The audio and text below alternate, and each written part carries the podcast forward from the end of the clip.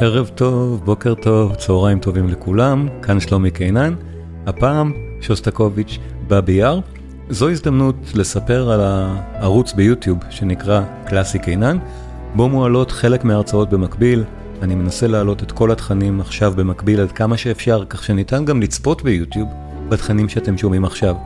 הרצאה כמו של היום, שוסטקוביץ' בא ביער, עם התרגום המוקרן בעברית לטקסט, יש uh, ערך לצפות בה בווידאו, לכן כולם מוזמנים לערוץ ביוטיוב שנקרא קלאסי קינן, כמו הפודקאסט, אנא עשו לייק, subscribe ו share אם אתם אוהבים, על מנת לקדם את הערוץ ואת התוכן. שוסטקוביץ', באבי יאר, האזנה נעימה. ערב טוב, ערב טוב לכולם. היום אנחנו באמת ב... יום, יום השואה זה עתיד להיות אחד, ה, אחד ה, באמת התכנים הכי קשים או כבדים שאני העברתי, ומצד שני אני חושב גם מהמרתקים שבהם. באבי יאר של שוסטקוביץ' זה יצירה שהיא יצירת מופת ענקית בלי קשר להיותה קשורה לנושא של השואה. זאת אומרת, גם זה, מחפשים מה לעשות נניח לערבים מהסוג הזה, שמתאים, במקרה הזה בא ביער, גם התכנים האחרים שבה, יצירת מופת ענקית, אחת מהסימפוניות הגדולות של המאה ה-20, בלי קשר שהיא מדברת גם על זה. אבל ה... הדיאלוג של שוסטקוביץ' עם הטקסט של יבטושנקו, הוא באמת אמפתי כל כך, שאנחנו, לא פלא שחשבו ששוסטקוביץ' יהודי בעצמו. עכשיו, זו לא הפעם הראשונה ששוסטקוביץ' עסק בתכנים יהודים. הייתה עוד הזדמנות לפני כן, עם אוסף של, שהוא קרא לו משירי עם יהודיים, שירים הכוונה לטקסטים, שאותם הוא הלחין. אבל לפני זה, אני רוצה להתחיל במלחמת העולם השנייה. שהייתה טרגדיה גדולה של העם הרוסי, לא רק ליהודים, אלא גם לרוסים עצמם. ומבחינת שוסטקוביץ' אני חושב שזה היה העניין המכונן, וזה גם מחבר אותי מעט להרצאות הנוספות על שוסטקוביץ' שאני העברתי מולכם, בלי קשר, ל... בלי קשר לעניין היהודי. כי אנחנו דיברנו על הסימפוניה השביעית של שוסטקוביץ', סימפוניית לנינגרד, ואני, אם אתם זוכרים, וזה היה לפני חודש אני חושב, ואני הבטחתי, לא הבטחתי, אמרתי שיש יש סרט דוקומנטרי נהדר, הראיתי קטעים קצרים ממנו, אבל שמאוד מתאים יהיה להראות אותו ביום השואה. באמת ככה. כי הוא פשוט מתעד את האכזריות של הנאצים בלנינגרד. כשברקע יש את המוזיקה של שוסטקוביץ', אז אני ממש מבקש, בואו נראה עשר דקות מזה. באמת של תיעוד איום ונורא, או מחריד, שחור לבן, של הזוועות שהתרחשו שם. את כל זה שוסטקוביץ' בעצמו חווה. זאת אומרת, הוא היה בעיר. עד שהכריחו אותו להתפנות משם. זה לא פעם ראשונה שהוא חווה מלחמת, מלחמה, אגב, הפעם הראשונה בגיל 11 בלנינגרד, המהפכה הבולשביקית, שלוש שנים שגם קור, רעב ומוות, ששם הוא ראה בגיל 11. הפעם הזאת בלנינגרד? בואו בוא, בוא נראה מעט מהדוקומנטרי מלווה באמת במוזיקה של שוסטקוביץ', שהיא כל כך אפקטיבית בתור הליווי של אותו אותה סצנה מחרידה פשוט, ממלחמת העולם השנייה.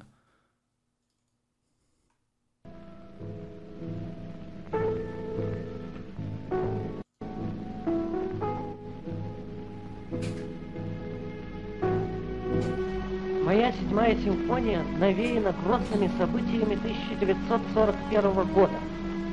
Нашей борьбе с фашизмом, нашей грядущей победе над врагом моему родному городу Ленинграду я посвящаю это сочинение. Like all Russians, I've seen and lived through a great deal. But the war was probably the hardest trial. Not for composers and poets, not for me personally, but for the people. The people suffered. Think how many perished. Millions.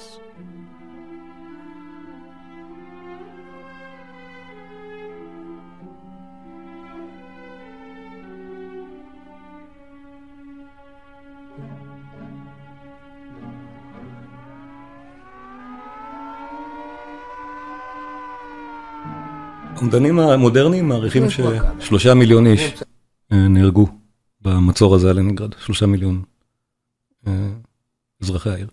окружили. кольцом. כן, גרגייב מדבר. И вот начался голод. Сначала закрылись э, все ларьки, все магазины. А потом потух свет. Потом перестала работать водопровод, канализация. Э, ну, так сказать, дикий образ. И отопление. Значит, надвигалась зима.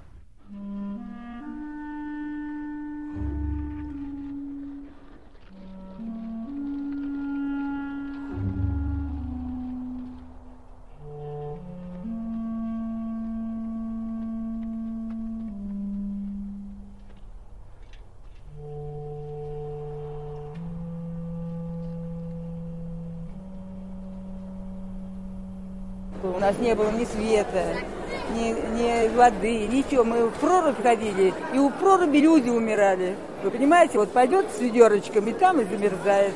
Вот я иду на работу, я ходила с Толмачева 18 на Ждановку 13. Я ходила пешком. Вот я иду, вижу там люди. А уже вечером, вот, там уже труп лежит.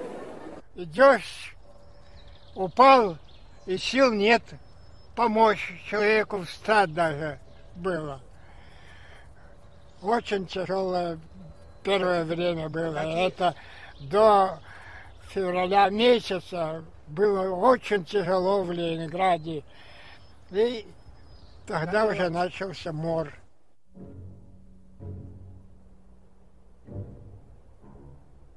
הפסקול שמלווה זו השביעית של שוסטקוביץ'.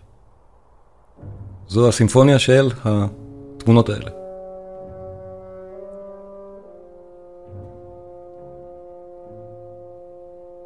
Я пережил, у меня голодные обмороки начались в январе. Но мама моя устроила меня, в общем, как-то через знакомых в стационар. Такие были еще стационары, где людям давали каким-то образом вообще полученную кашу вообще еще. Это, э, каша спасала людей, потому что на не 125 грамм хлеба, и все это, конечно, трудно было не умереть. Это временами бывает Такая- такая боль, что желудок он требует, сжимает все внутренности. И это как-то и психическое состояние изменяется, психология. В такие моменты, кажется, ты готов вот броситься стол, стул, стены, грызть, лишь бы только вот погасить это. И вот а если поддаться этому, то это все. Ничем не питали. А, варили клей, кожаные ремни от чемоданов варили. Вот так. Ну, это кошки и собаки все уже были съедены. К ноябрю, к декабрю. Все кошки и собаки б- погибли.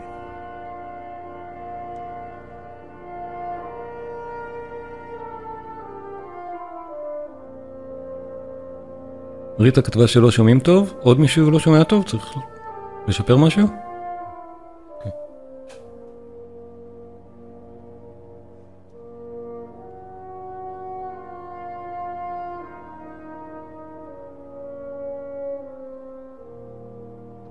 Друг друга. Ты видел? Это милиционер был. Видел или нет? Я этого не видела. Ни одного факта. Так-то не видел, а когда ходили по квартирам и брали людей, то часть тела не было. Было То ноги не было, вот а, какой-нибудь, то руки не было. Где мясо? На какое там мясо уже было, когда люди еле двигались. Конечно, и это было. Я же говорю, что не все же могли совладеть со собой. Кто-то слабел.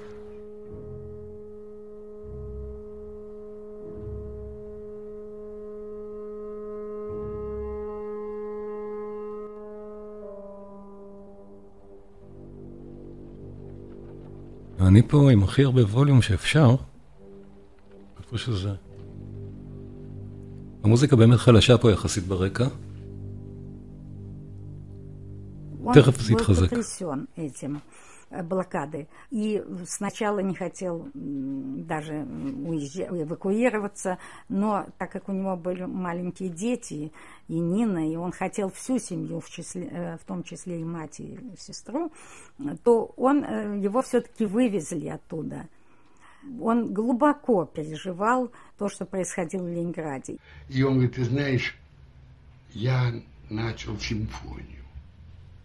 Я не знаю, кому она понадобится, когда свирепствует такая небывалая война. Ну, послушай. И он сел за рояль и сыграл возвышенно прекрасную экспозицию в первой части и тему вариаций, то есть те вариации, которые изображают нашествие, фашистское нашествие. Я совершенно был растерян. У меня как-то язык прилип к небу, потому что меня это потрясло. Меня потрясло это лучезарное начало и вот это выстукивание, понимаете ли, палачей, которые двигались на Россию и на весь мир. И мы оба молчали.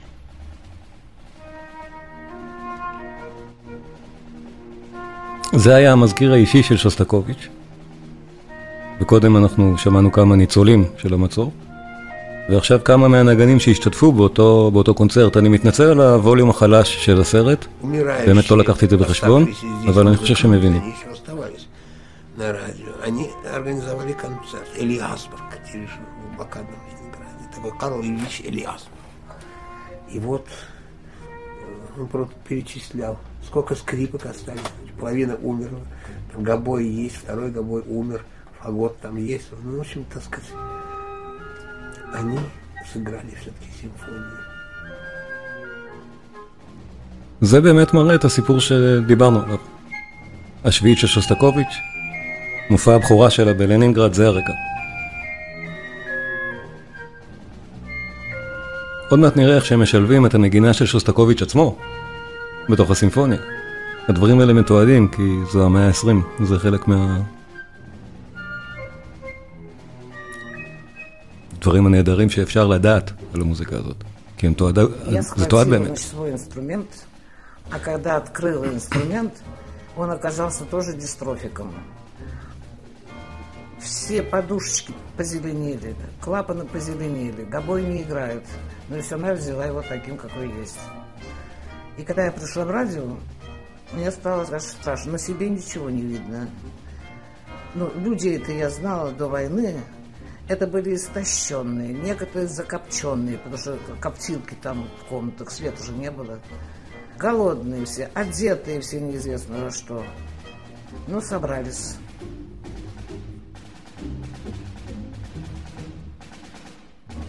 Карловича Юлиасберга, вот он встал за пульт, поднял руки, и они вот так, вот так у него дрожат, палочка в руках дрожит. И вот в моем представлении было, что это подстрельная птица, что крылья изувечены у птицы, и она сейчас должна упасть. Но он не упал.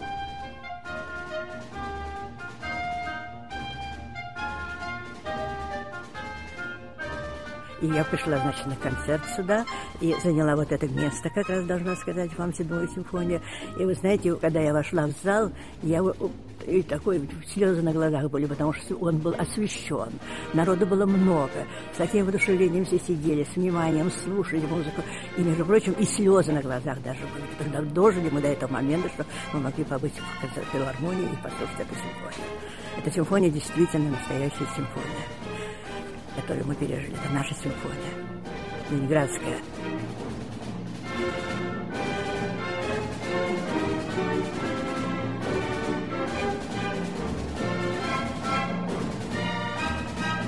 Однажды я на филармонии в большом зале сыграли зенитки и снаряды. Это было потрясающе. То есть это доказывало, что первичен дух, а не материя, когда нас учили. Дух важнее, чем материя. Ну, это, было, это колоссальное было дело. Это колоссальное было для людей, которые любят, любили музыку. И последнее, что они могли, они посетили вот этот концерт. Мы поняли, что музыка это все. Каша, каша, мы голодные, нас никто накормить не может. музыка нас вдохновляет и возвращает к жизни. И вот таким образом у нас этот день был нашего праздника.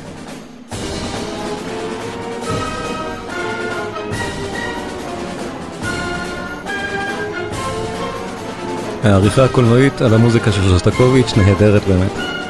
הסרט הזה עשוי טוב. The message to the world reached millions of people, became more than a symphony, became a symbol, or a symbol of resistance, or a symbol of, let's say, culture being alive, and so on.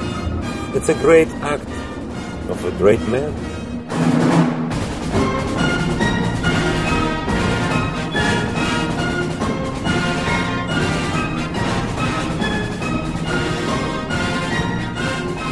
Stalin took special interest in my symphony. It became his symphony, and he made sure it would be broadcast to the world. He wanted to show that nothing could stop Russia, that nothing could stop Russian culture, that nothing could stop him. And I, for the moment, became the great leader's mouthpiece.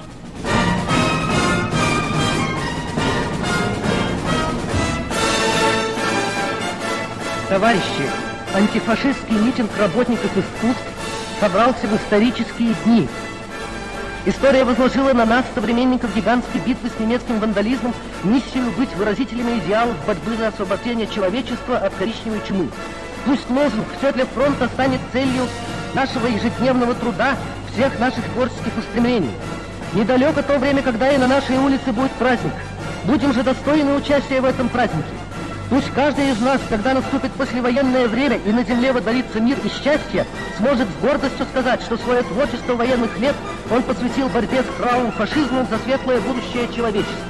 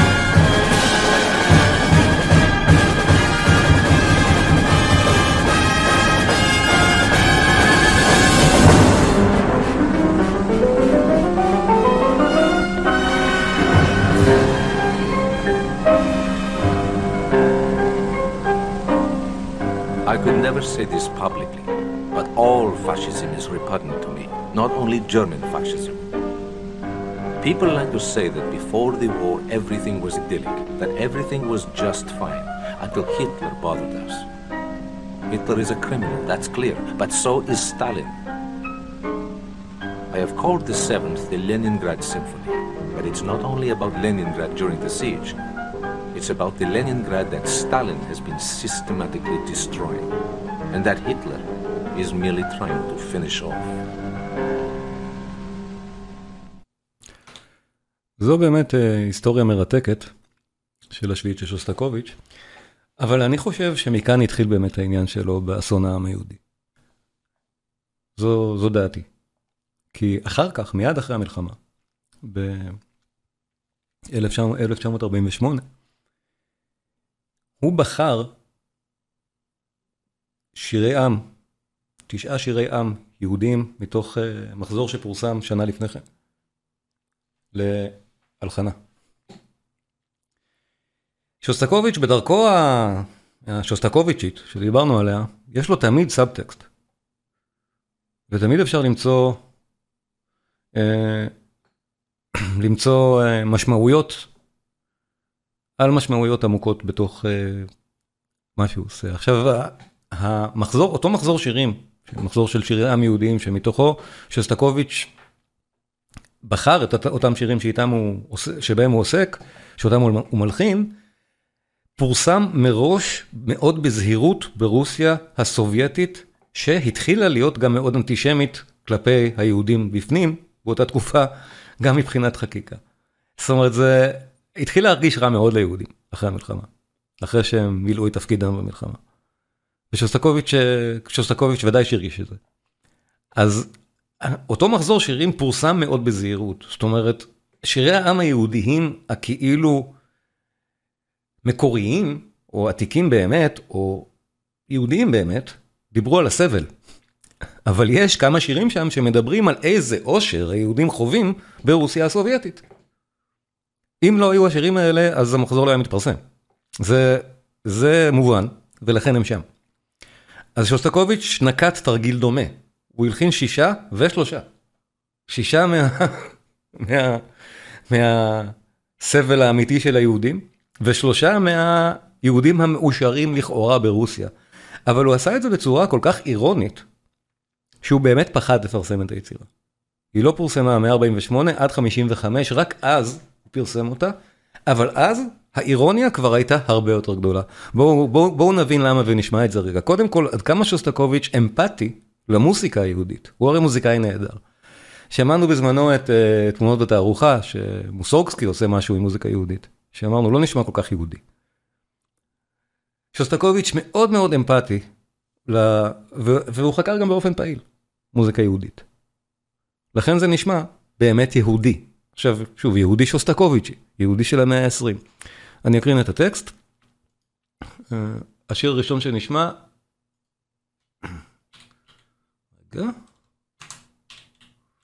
שיר. רק נוודא שרואים את הטקסט. אה, רוסית, אה, רוסית אנגלית משמאל ואנגלית מימין. הלוואי שהיה לי תרגום לעברית של זה, לא מצאתי.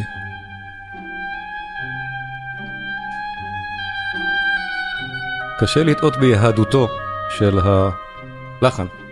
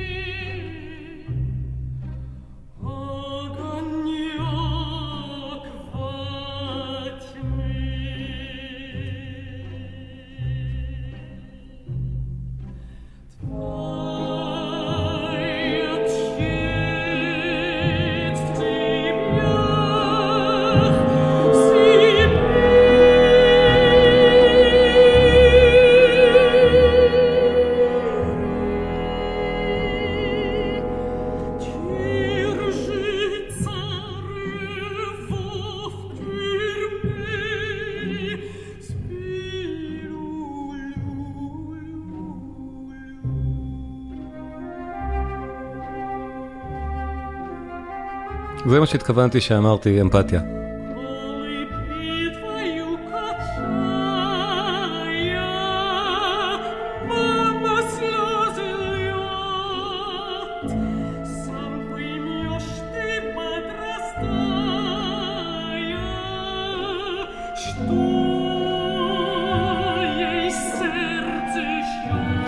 לא דני זה הייטינג במקרה הזה, תכף אני אראה את ההקלטה.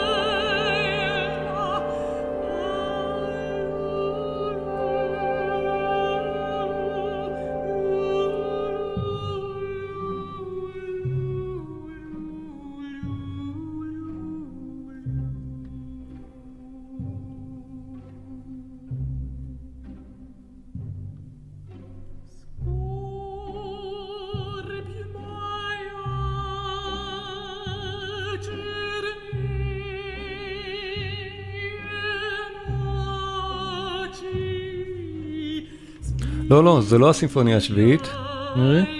זה אוסף שירים שנקרא אה, מוזיקה משירי עם יהודי.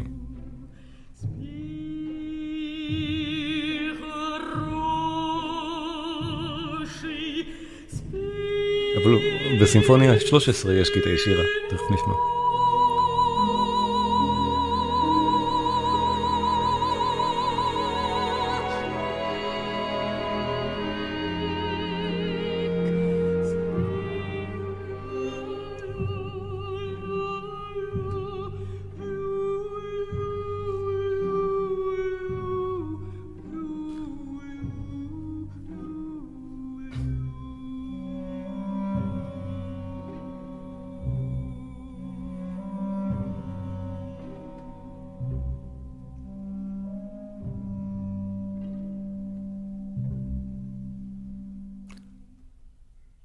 עוד שיר קצר מתוך המחזור, באופי שונה, אבל עדיין מהשירים היהודיים המקוריים, לפני שהם מתחנפים כאילו לרוסיה. תאמין לי? רגע, רגע.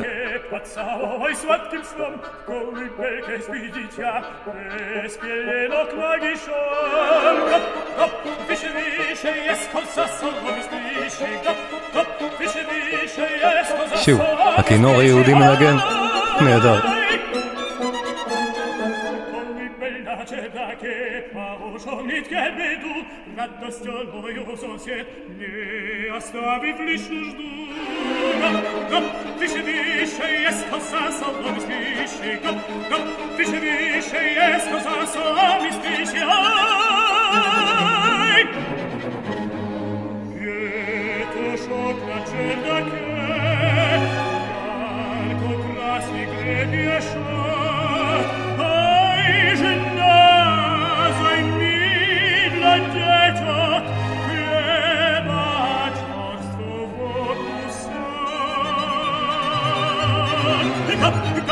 wische, wische,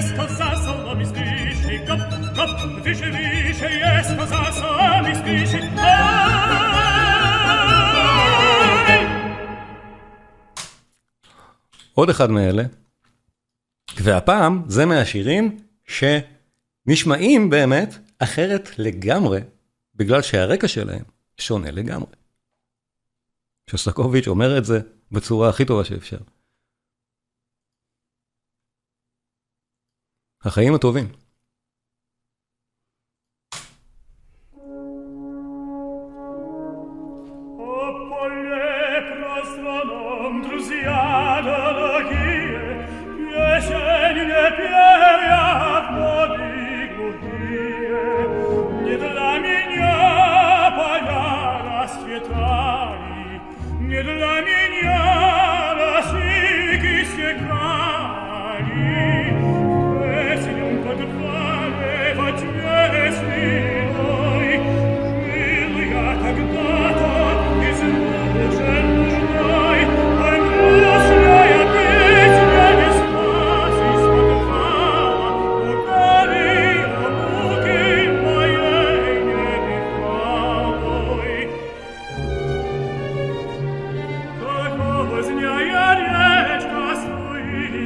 שיר אהבה לחוות הקולקטיב.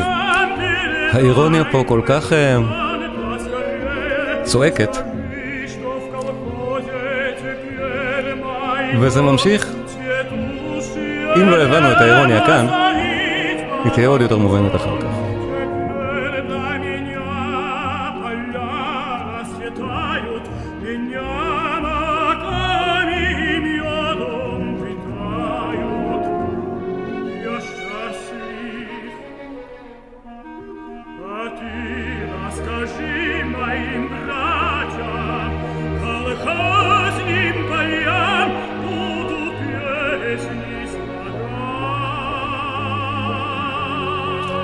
מלחין שירים לשדות של חוות הקולקטיב. שוסטקוביץ' האמין בזה בלי ספק. השיר הכי חזק במחזור הזה, זה השיר שנקרא אושר. האמא היהודייה מתארת כמה, כמה מאושרת היא כן, דני, את צודקת, זה באמת כבד. שוסטקוביץ' אירוני לגמרי פה, ברור. אה, פה אי אפשר לטעות שהמוזיקה היא כל דבר ההפך מאושר. ושימו לב לאימא, שמחה מזה שהילדים שלה, כמו כל אימא יהודייה, יהיו רופאים ברוסיה. זה, זה מוסר ההשכל של השיר. איזה יופי שברוסיה הילדים שלי יהודיים. כן, רוסיה נהדרת, רוסיה הסובייטית.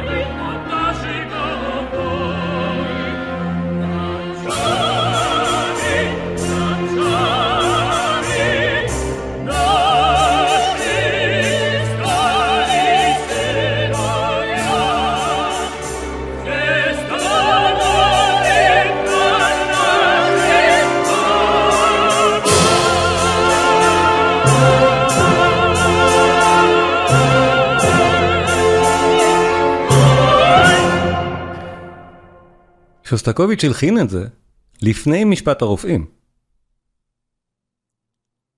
ואז האירוניה שיש פה הפכה להיות כפולה ומכופלת. ב-1955, שהוא כבר העז להוציא את היצירה החוצה, זה היה אחרי משפט הרופאים. השיר הזה קיבל מסר חזק מאוד.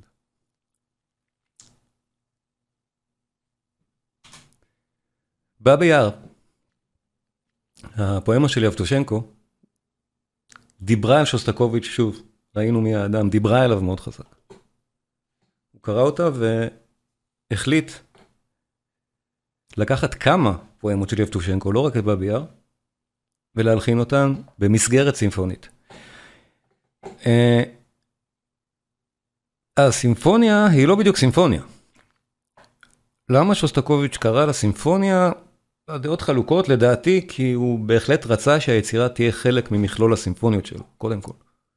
שיתייחסו אליה ככזאת. אבל אה, כמו, ש, כמו שמודקה אמר לפני, לפני תחילת ההרצאה, שיש פה מקהלה, מקהלת גברים, ויש פה זמר בס לכל האורך, ש, שהם שרים כל הזמן, החוויה היא לא סימפונית. גם המבנה הוא לא ממש סימפוני. אם, אם כבר צריך להגדיר את הסוגה, אז אולי סוג של קנטטה? קשה מאוד לשים את היצירה הזאת באיזשהו, באיזושהי סוגה בכלל. אבל באמת הנקודה ששוסטקוביץ' עשה את הדבר המאוד מאוד אמיץ של רוסיה ב-1962. להלחין את יבטושנקו אה, לביצוע פומבי של סימפוניה. זה היה מאוד קשה. מורבינסקי, המנצח ששוסטקוביץ' רצה שינצח, שבדרך כלל ניצח על יצירותיו, נבהל. הפחידו אותו השלטונות. זמר הבאס שהיה אמור לשיר, אותו דבר. בסוף קונדרשי ניצח. בסוף זה הסתדר. אבל אחרי ביצוע הבכורה היצירה הוחרמה ברוסיה. וזכתה לביצועים נוספים רק בשנות ה-70 במערב, אחרי שהתווים הוברחו לשם. אבל אנחנו מכירים את באבי יאר מנקודת ראותנו, ולכן גם אה, אני חושב שהיצירה מדברת אלינו ברובד מאוד עמוק, כמו ששוסטקוביץ' מתכוון להגיד, ואני חושב שחשוב שנכיר את זה. זה באמת, זה באמת עמוק, אין מה, אין מה להגיד. עכשיו אני רק, רק את הרקע על באבי יאר למי, ש, למי שבאמת אה, לא זוכר. אה, האסון, ש... דבר איום ונורא שה...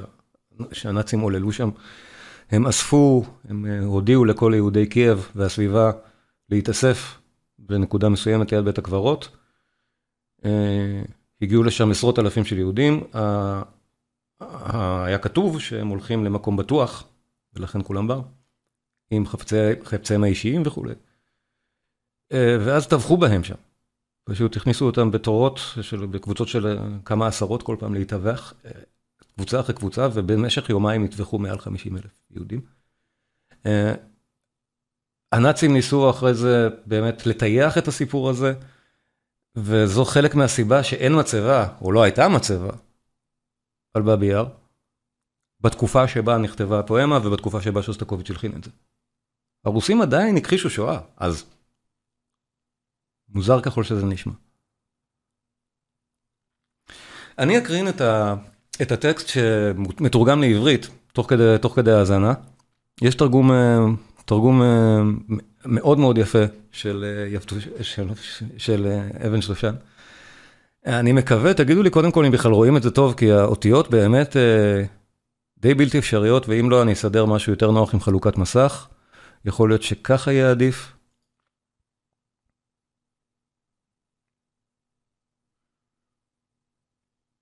רואים? תעננו לי. אוקיי. אז יופי, אז זה ה... אלה המילים של אה, באבי יאר.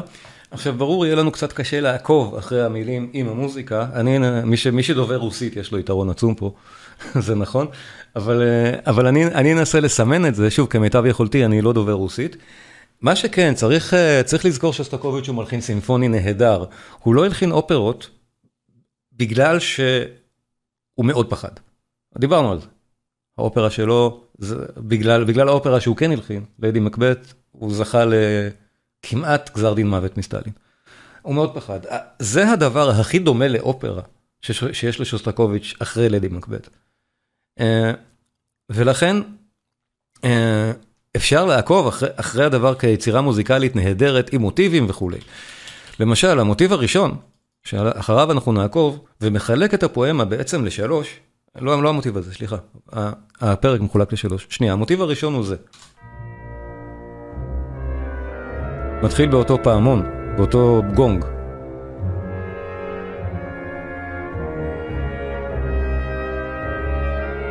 ואז יש לנו שוב את הגונג. הגונג הזה, זה סימון מאוד מאוד מאוד חזק.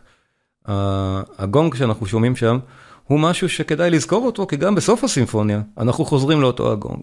אבל חוץ מהגונג, יש לנו פה מוזיקה מאוד מאוד מאיימת.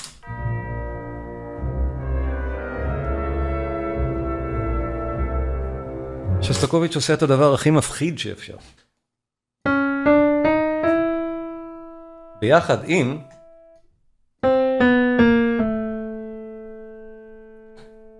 קשה לחשוב על דיסוננט, מה שנקרא במוזיקה, יותר חריף מזה.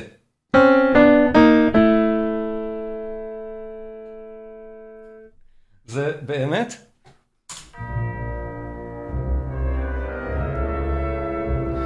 והדבר הזה באמת... הדבר הלא ברור והמאוד נבזי הזה, הוא בעצם מה שיחזור אחר כך בכל ההתרחשויות הזוועתיות שהטקסט מתאר. זה חוזר בפעם הראשונה שאנחנו אחרי הבלוק הראשון של הטקסט, אנחנו נראה את זה, אנחנו חוזרים להתחלה כמו שהיא.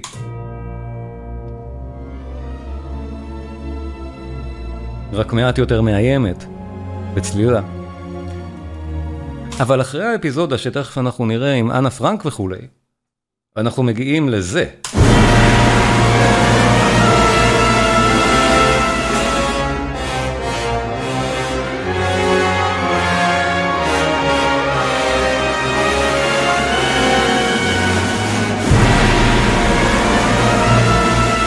יש לנו פה בנייה שוסטקוביצ'ית נהדרת של פרק סימפוני, שגם בסיום, בסוף, בסוף של הפרק, אנחנו באמת עדיין מקבלים באופן מאוד חזק את הדבר המאיים הזה.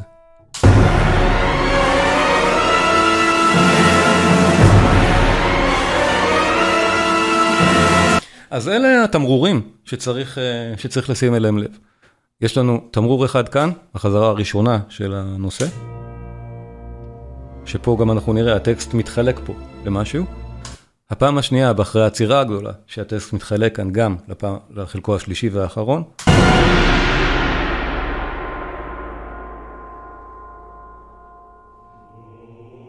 כולם מסומנים עם גונגים.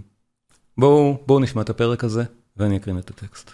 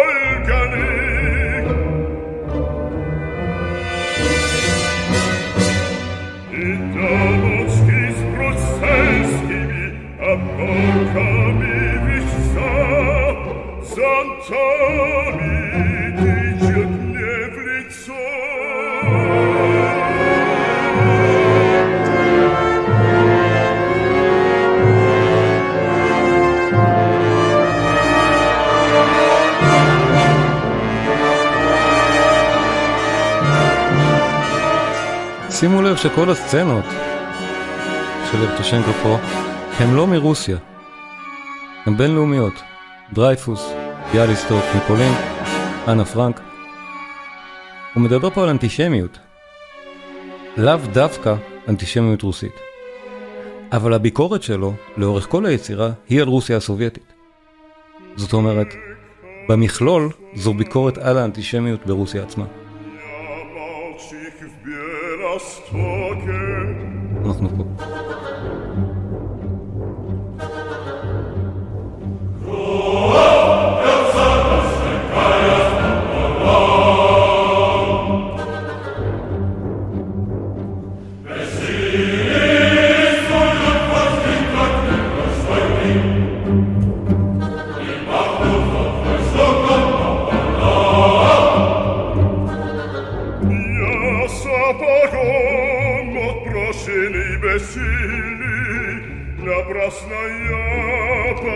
she calls my own.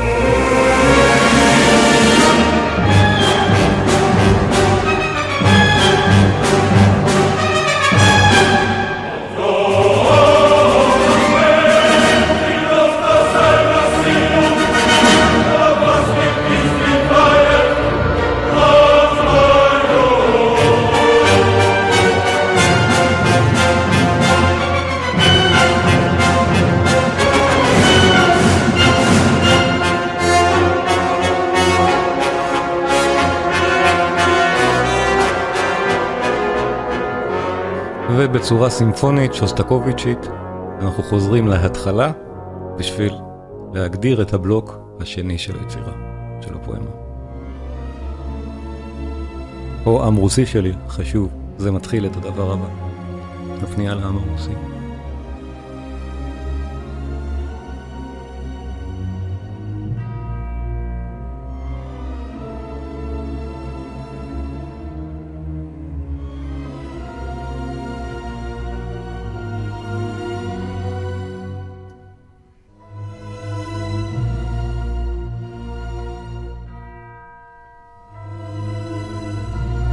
תמי ביקשה להגדיל קצת את האותיות, אני אנסה, נראה מה נכתב קודם, המילים מהמוזיקה, הפואמה קודם.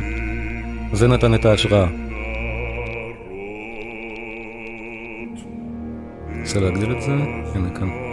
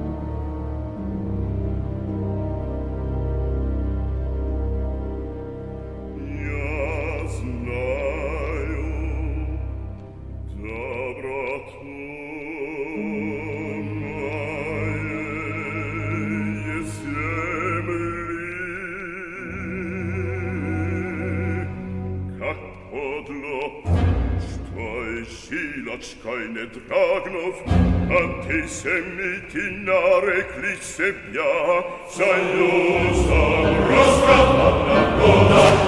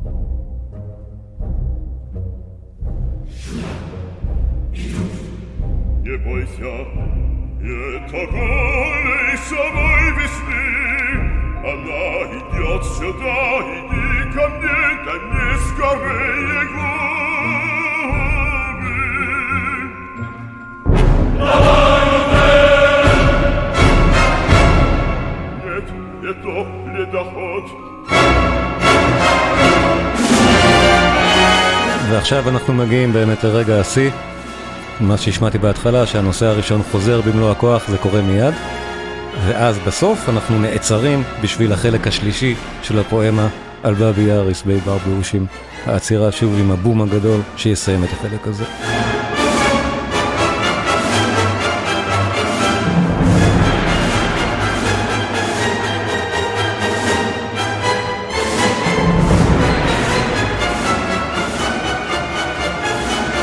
שימו לב. התמה של ההתחלה, התמה הראשונה.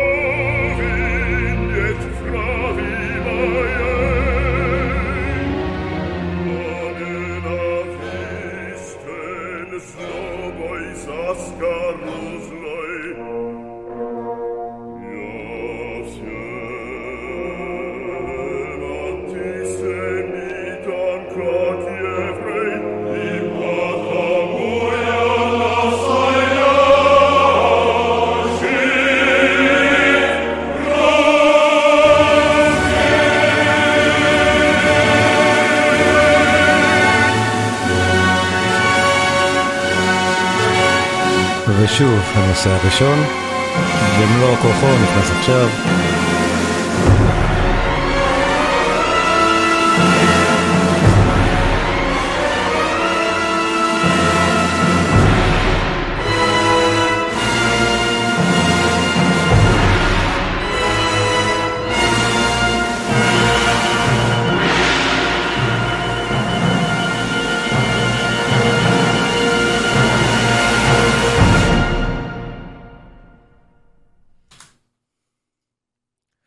שוסטקוביץ', באבי יאר, ועוד כמה, בערך לכבוד יום השואה, זה באמת היה קשה, אבל תודה רבה שנשארתם איתי.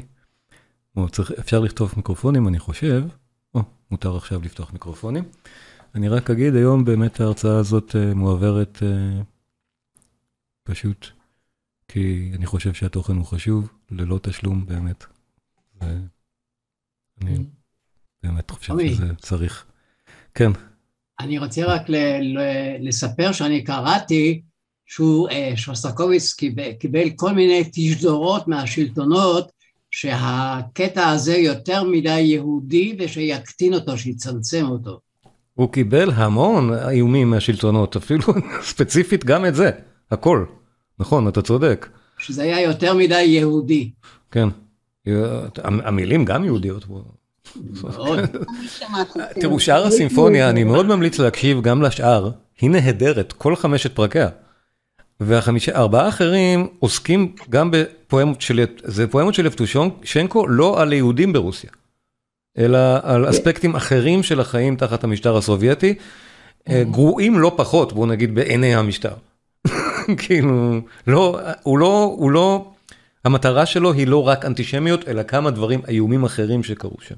כן, זה, זה בגדול, אבל הסימפוניה אכן נקראת באבי יאר, כי זה בלי ספק הפרק החזק שלה. כן. כן. האם השמיעו את זה פעם עם מילים עבריות? סליחה? האם השמיעו את זה פעם עם מילים עבריות? אני לא חושב. אני גם כן לא. לא. חבל מאוד האמת. אני הייתי, שמעתי את זה, אבל לא... זה לא מסתדר מבחינת המוזיקה, המילים, הטקסט. נכון. הטקסט כמו שהוא תרגם אותו לא, אבל ניתן היה לתרגם את זה באמת לגרסת כן. ביצוע עברי, אם, אם היו חושבים לעשות את זה. ת- תראו, לי באמת חבל, אני אומר, אני עושה את זה באהבה מולכם, באמת, גם ב, בחינם והכל, כי אני חושב שזה פשוט חשוב שיכירו את המוזיקה. כן. זאת אומרת, זה נראה לי משהו שחבל שלא מודעים לו כל כך בארץ, על, על, על באבי יאר ספציפית, זו יצירת מופת ענקית באמת. ש-. כן. אני רוצה... שלומי, ה- השירה נשמעת לי כמו שירה- שירה כנסייתית גרגוריאנית, רוסית. זה הסגנון. הכל נכון, הסגנון שלו פה הוא... סליחה, דני, מה אתה אומר? כן. זה האופרה הרוסית, זה הסגנון השירה. המקהלות הרוסיות, לא, אבל אין פה הרבה עיבודים. כן, זהו, זה קנטטה, זה מאוד לא, מאוד לא קשור ל... אתה צודק שזה נשמע אולי קצת כמו קנטטה. נכון, אה, זה, זה גם נכון. לכן אמרתי בהתחלה, קשה לקבע את היצירה הזאת בתוך סוגה, והפרקים האחרים שלה הם גם די מופרעים מבחינת מה שהזמר עושה מול המקהלות. לא, היא ממש זה לא לפעמים נשמע מוגדר. כמו תיאטרון, או, או, או כמו אופרטה בכלל. יש, אבל אה, זה ממש לא מוגדר. אבל ממון, אופרה, אין תלבושות, אין במה, אין תפאורה, אין כלום, זה, זה לא, זהו, זה כמו להגיד מה, זה קנטטה. יכול להיות אורטוריו, יודע. שמבליט- מה? יכול. להיות שמבליטים את המילים יותר מאשר את המנגינה? זה, אה, לא חושב, זה הולך ביחד פה, כן. קשה לי לענות על זה, כן. בקטעים מסוימים כן. אבל יש לי שאלה. כן. א', את התרגום לעברית קראתי אפילו אה, שניים שלושה אנשים תרגמו את זה, אני לא זוכרת כרגע מי, לפני הרבה מאוד שושן. זמן. אבן שושן תרגם. כן, התרגום הזה הוא אבן שושן, זה הקלאסי. אבל גם אמי בזמנו, אמי דוברת רוסית, היא תרגמה לי ככה תרגום חופשי את בבי יאר. כי המשפחה שהייתה מאוד מעורבת בקליטה, לא חשוב כרגע. אבל אני מקשיבה לכם. אמ, מדוע צריך גם להגדיר כל דבר?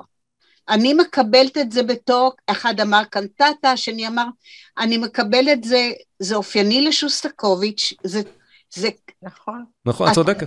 זה שוסטקוביץ'. צודקת במאה נכון, את צודקת לא לגמרי. אין צודקת צורך, אה, במאה אחוז. אני. לא, לא צריכה להגדיר את זה. בדיוק, נכון. נכון. ולדע- לכן אמרתי, זה לא מוגדר.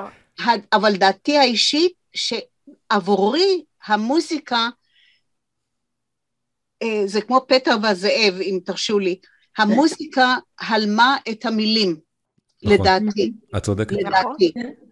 מעבר להלמה, זה פה, זה- מציג אמפתיה לדעתי ענקית. בדיוק, לטקסט. בדיוק.